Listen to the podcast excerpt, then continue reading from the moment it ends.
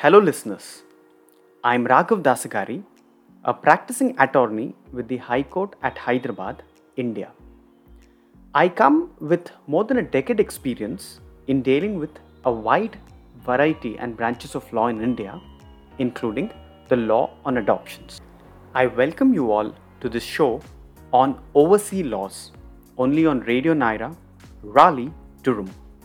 Broadcast on three frequencies 99.9 FM HD4, 101.9 FM, and 1490 AM. So, this week I'm with you to speak on the law related to inter country adoption of a child from India by NRIs, OCI, and foreign nationals. So, today's talk show will throw some light on some important questions like who can be adopted, who can adopt, can persons from other faiths and religions like Muslims, Christians, etc., adopt a child under the Indian law? Can an unmarried person or a divorced person adopt a child from India? Or what is the procedure to be followed by NRIs or OCIs or foreign nationals to adopt a child from India? And what is the effect of adoption? So, before I go to address these questions and give you more information on this important topic, when I say the word adoption, you know, what really strikes me is that couples who are not blessed with children in their wedlock generally toy this idea of adopting a child. Do you think that this is always the main reason behind adoption? Well, after my considerable research on this aspect, I have come to know that people consider and decide to adopt a child for more than one traditional reason, which I've just told you. And there are some of these important considerations that they take, and they are couples who decide that by adopting a child could be for medical reasons, such as when they don't wish to pass on a genetic disorder or disease to our future generations, or if there is a single parent and he or she wishes to start a family, or a couple decides to adopt a child, maybe to give an underprivileged child a loving home, or the couple can decide to adopt a child in order to help a friend or a family member who isn't in a position to raise a child. Or a couple may also consider, in order to help to balance the population growth, or they may have a progressive idea of adopting a child in order to incorporate multiple races or cultures or ethnicities into their family, or maybe they take this call to adopt for religious or other reasons of belief, or maybe they consider adoption you know in order to give back the same experience if they have themselves been an adopted child to their parents now the reason could be anything when i say inter country adoption it means that it is the process by which a person or a couple seeks to receive parental rights of children belonging to a different country. Now, to adopt such a child, they must comply with certain legal requirements of the country they reside in and also the country from which from which they wish to adopt the child. No child should be denied a congenial environment while growing up. Now, that being said, if a child does not have its biological parents or any relative to take care of him or her, or if he is abandoned or his parents are unknown, the best way to ensure an atmosphere with love, affection, and security of the child is to be adopted by a good family. Now, in Hindu religion, adoption was no alien concept. In fact, it is an accepted practice. Similarly, the Hindu personal law permits adoption in Hindu family. Except Hindus, other pr- prominent religions such as Islam, Christianity, Jews, or Parsis do not recognize adoption. Whereas, with the introduction of a secular law such as the Juvenile Justice Act of 2015, now in India, adoption is legal irrespective of one's religion or faith. Adoption of children who are orphans or abandoned or surrendered is permissible by following the prescribed provisions of laws and regulations as formulated in India.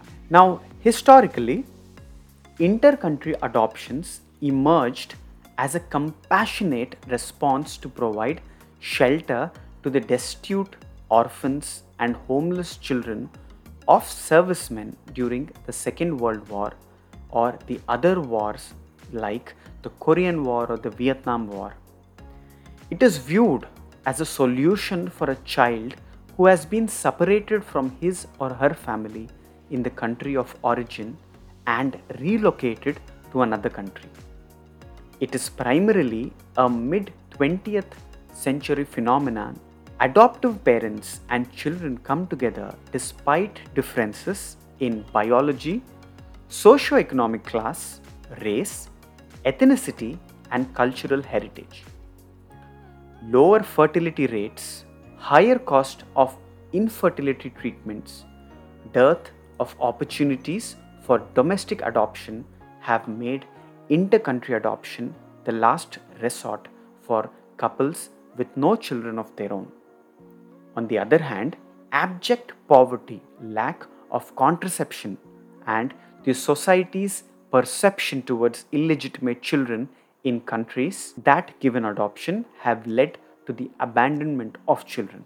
With regards to India, prior to the year 1970, very few Indians were interested in adopting an unrelated child whose parents were unknown because of this societal stigma associated with being childless and adopting an unrelated kid.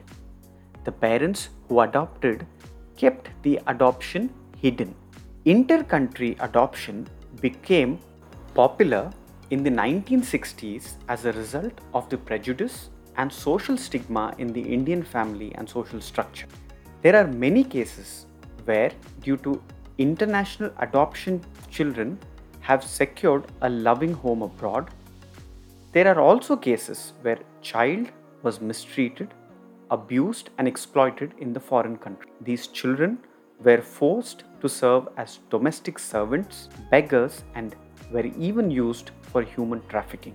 Such cases have raised serious concerns regarding the welfare of the child and is the major cause of worry and hesitation when it comes to inter-country adoption. There are various international treaties, various judgments of the Indian Supreme Court, and adoption agencies have laid down strict procedures to ensure the well being of the child. For those of you who have just joined the show, we are talking about the inter country adoption of children by NRIs, OCIs, and foreign nationals. So, moving forward, let's understand who can be adopted. Well, when I say adoption, let us remember that adoption is always resorted to for ensuring right to family for orphan, abandoned, and surrendered children. So the law fundamentally tries to protect the interest of these three categories of children that is, an orphan, an abandoned child, or a surrendered child. Now, apart from these three categories of children, adoption is also possible of a child from a relative to another relative, irrespective of the religion. So, let me also tell you that adoptions that are dealt under the Hindu Adoption and Maintenance Act, which is a religious act and which is an act that is only limited to the Hindus in India, will operate separately and the adoptions that arise under the Juvenile Justice Act of 2015 is a secular law. Now, let us move forward to understand who is eligible, that is, what is the eligibility criteria for a prospective adoptive parent or parents for that matter. Now, what the law provides is that a prospective adoptive parent shall be physically fit, shall have good financial backing, must be mentally alert, and highly motivated to adopt a child for providing a good upbringing. Further, in case of a couple, the consent of both the spouses for adoption is absolutely necessary. Next, a single or a divorced person can also adopt provided he meets the criteria that are provided under the adoption regulations of 2017. Further, a single male member or a, single male person is not eligible to adopt a girl child. Further, any other criteria that is specified in under the adoption regulations framed by the authority should also be taken into consideration. We are taking a quick break and we'll be back after these messages. After the break, I will tell you what is the procedure for applying for seeking adoption of a child from India by NRIs or OCIs or foreign nationals. So please stay tuned with us.